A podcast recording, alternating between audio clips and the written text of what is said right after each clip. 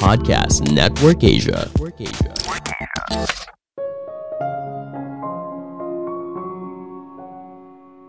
Dewan Direksi Twitter mengancam akan memberikan pil racun kepada Elon Musk apabila dia bersikeras ingin mengambil paksa perusahaan.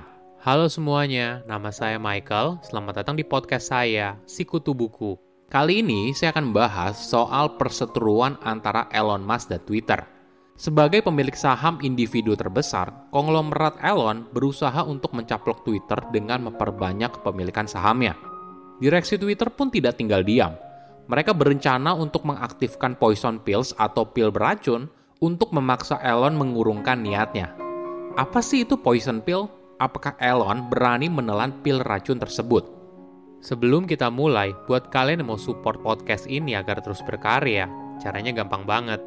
Kalian cukup klik follow. Dukungan kalian membantu banget supaya kita bisa rutin posting dan bersama-sama belajar di podcast ini.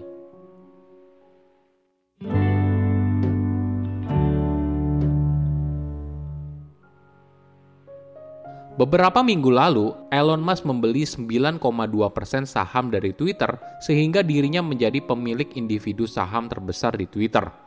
Elon bahkan memiliki saham yang jumlahnya lebih besar dibandingkan co-founder Twitter. Pada awalnya, Twitter menyambut kedatangan Elon dan bahkan menawarkan untuk bergabung dalam jajaran direksi. Elon pun setuju untuk mengikuti berbagai aturan yang diberikan oleh Twitter sebagai direksi, termasuk tidak boleh menambah kepemilikan sahamnya lebih dari 14,9 persen. Namun baru di hari pertama bergabung, Elon memutuskan untuk keluar dan malah mengumumkan kalau dia berminat untuk membeli Twitter tanpa persetujuan atau sering kali dikenal dengan perebutan paksa. Elon sudah menyiapkan 664 triliun rupiah untuk melancarkan aksinya. Dilihat dalam sejarah, ternyata Elon bukan satu-satunya investor yang berminat untuk membeli Twitter. Sebelum Elon, pendiri Facebook Mark Zuckerberg sempat berusaha untuk membeli Twitter dua kali di tahun-tahun awal. Google, Apple, dan Disney sempat menawar Twitter pada tahun 2016 tapi akhirnya tidak jadi. Pada awal tahun 2020, hedge fund bernama Elliott Management mendorong penggantian CEO dan co-founder Twitter Jack Dorsey karena dianggap sebagai biang kerok kinerja perusahaan yang buruk dan harga saham yang rendah. Sekarang giliran Elon yang menunjukkan keseriusan untuk mentransformasi bisnis Twitter. Sebagai gambaran, sejak Twitter menjadi perusahaan publik pada tahun 2013, hanya dua kali melaporkan keuntungan tahunan, yaitu pada tahun 2018 dan 2019. Sisanya selalu merugi. Tentu saja hal ini tidak mengagetkan.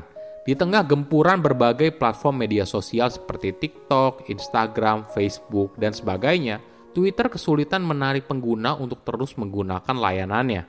Alhasil, pendapatan dari iklan juga menurun drastis. Kembali ke dalam konflik antara Twitter dan Elon. Direksi Twitter berencana untuk mengaktifkan pil racun apabila Elon menguasai lebih dari 15% saham Twitter. Apa sih istilah pil racun atau poison pills? Jadi, istilah poison pills pertama kali dibuat 40 tahun yang lalu oleh pengacara bisnis bernama Martin Lipton untuk mencegah adanya pengambilan paksa perusahaan di Wall Street. Ide ini muncul saat Martin bertemu para klien pemilik bisnis yang sudah berjalan puluhan tahun, tapi tiba-tiba saja ada seorang investor dengan banyak uang seperti Elon ingin masuk, membeli saham dalam jumlah banyak, memecat semua direksi, mengganti direktur utama, dan mengambil alih perusahaan. Tentu saja hal ini membuat para anak pemilik bisnis keluarga jadi kesal dan merasa tidak adil. Itulah yang membuat Martin punya ide agar menyulitkan orang seperti Elon untuk mengambil alih perusahaan secara paksa.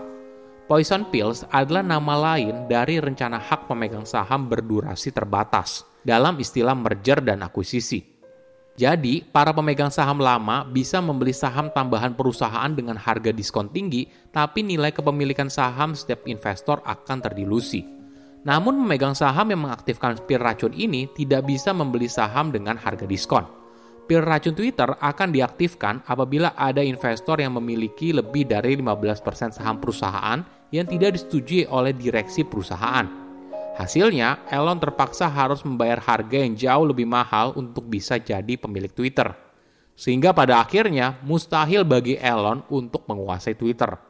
Menurut perhitungan analis, apabila Twitter menjalankan strategi pil racun, porsi kepemilikan saham Elon bisa menyusut secara drastis.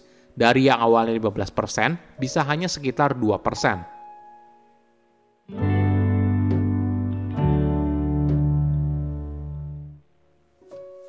Apakah Elon diam saja? Tentu saja tidak. Elon bisa melakukan serangan balasan yang dinamakan tender offer. Intinya, Elon berusaha menggalang dukungan dari para pemegang saham yang lain. Kalau direksi Twitter yang sekarang tidak menjalankan fungsinya dengan baik karena menjalankan strategi pil racun. Di sisi lain, pil racun sering kali dijadikan sebagai senjata negosiasi. Direksi Twitter masih membuka ruang apabila ada pihak lain yang ingin menawar dengan harga yang lebih tinggi dari yang ditawarkan sekarang oleh Elon. Strategi pil racun sering kali berakhir dengan pertarungan di meja hijau yang panjang. Calon perebut paksa perusahaan bisa menuduh dewan direksi karena menggunakan strategi ini untuk mempertahankan pekerjaan mereka, bukan untuk kepentingan perusahaan.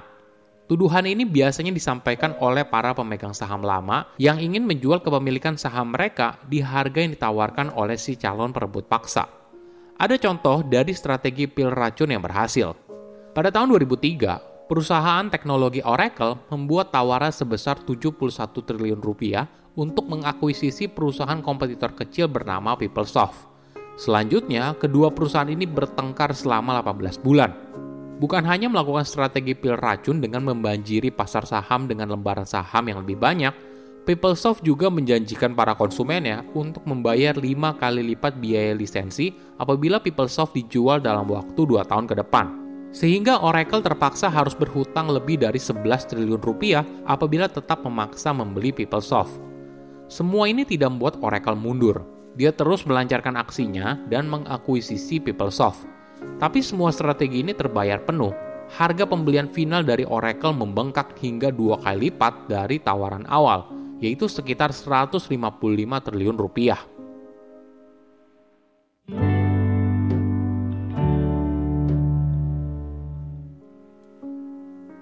Pertanyaannya sekarang seperti ini. Kenapa sih Dewan Direksi Twitter takut banget ketika Elon menyampaikan secara terbuka ingin membeli Twitter? Mungkin alasan terbesarnya karena Elon termasuk dalam kategori aktivis investor.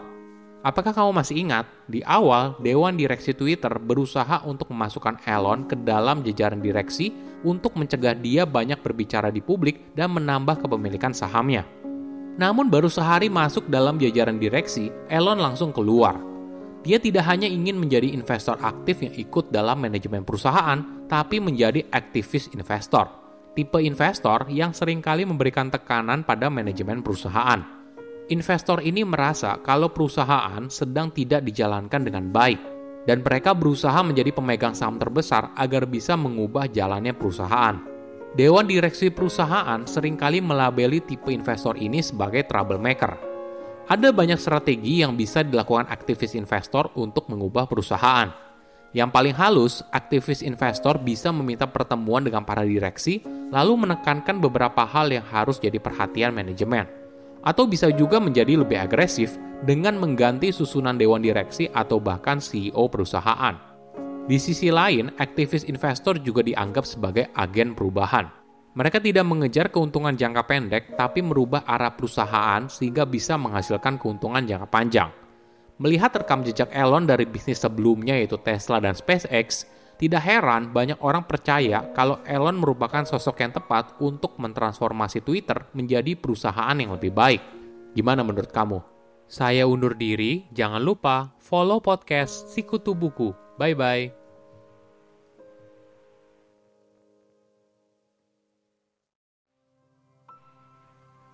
Pandangan dan opini yang disampaikan oleh kreator podcast, host, dan tamu tidak mencerminkan kebijakan resmi dan bagian dari podcast Network Asia. Setiap konten yang disampaikan mereka di dalam podcast adalah opini mereka sendiri dan tidak bermaksud untuk merugikan agama, grup etnik, perkumpulan, organisasi, perusahaan, perorangan, atau siapa pun dan apa pun.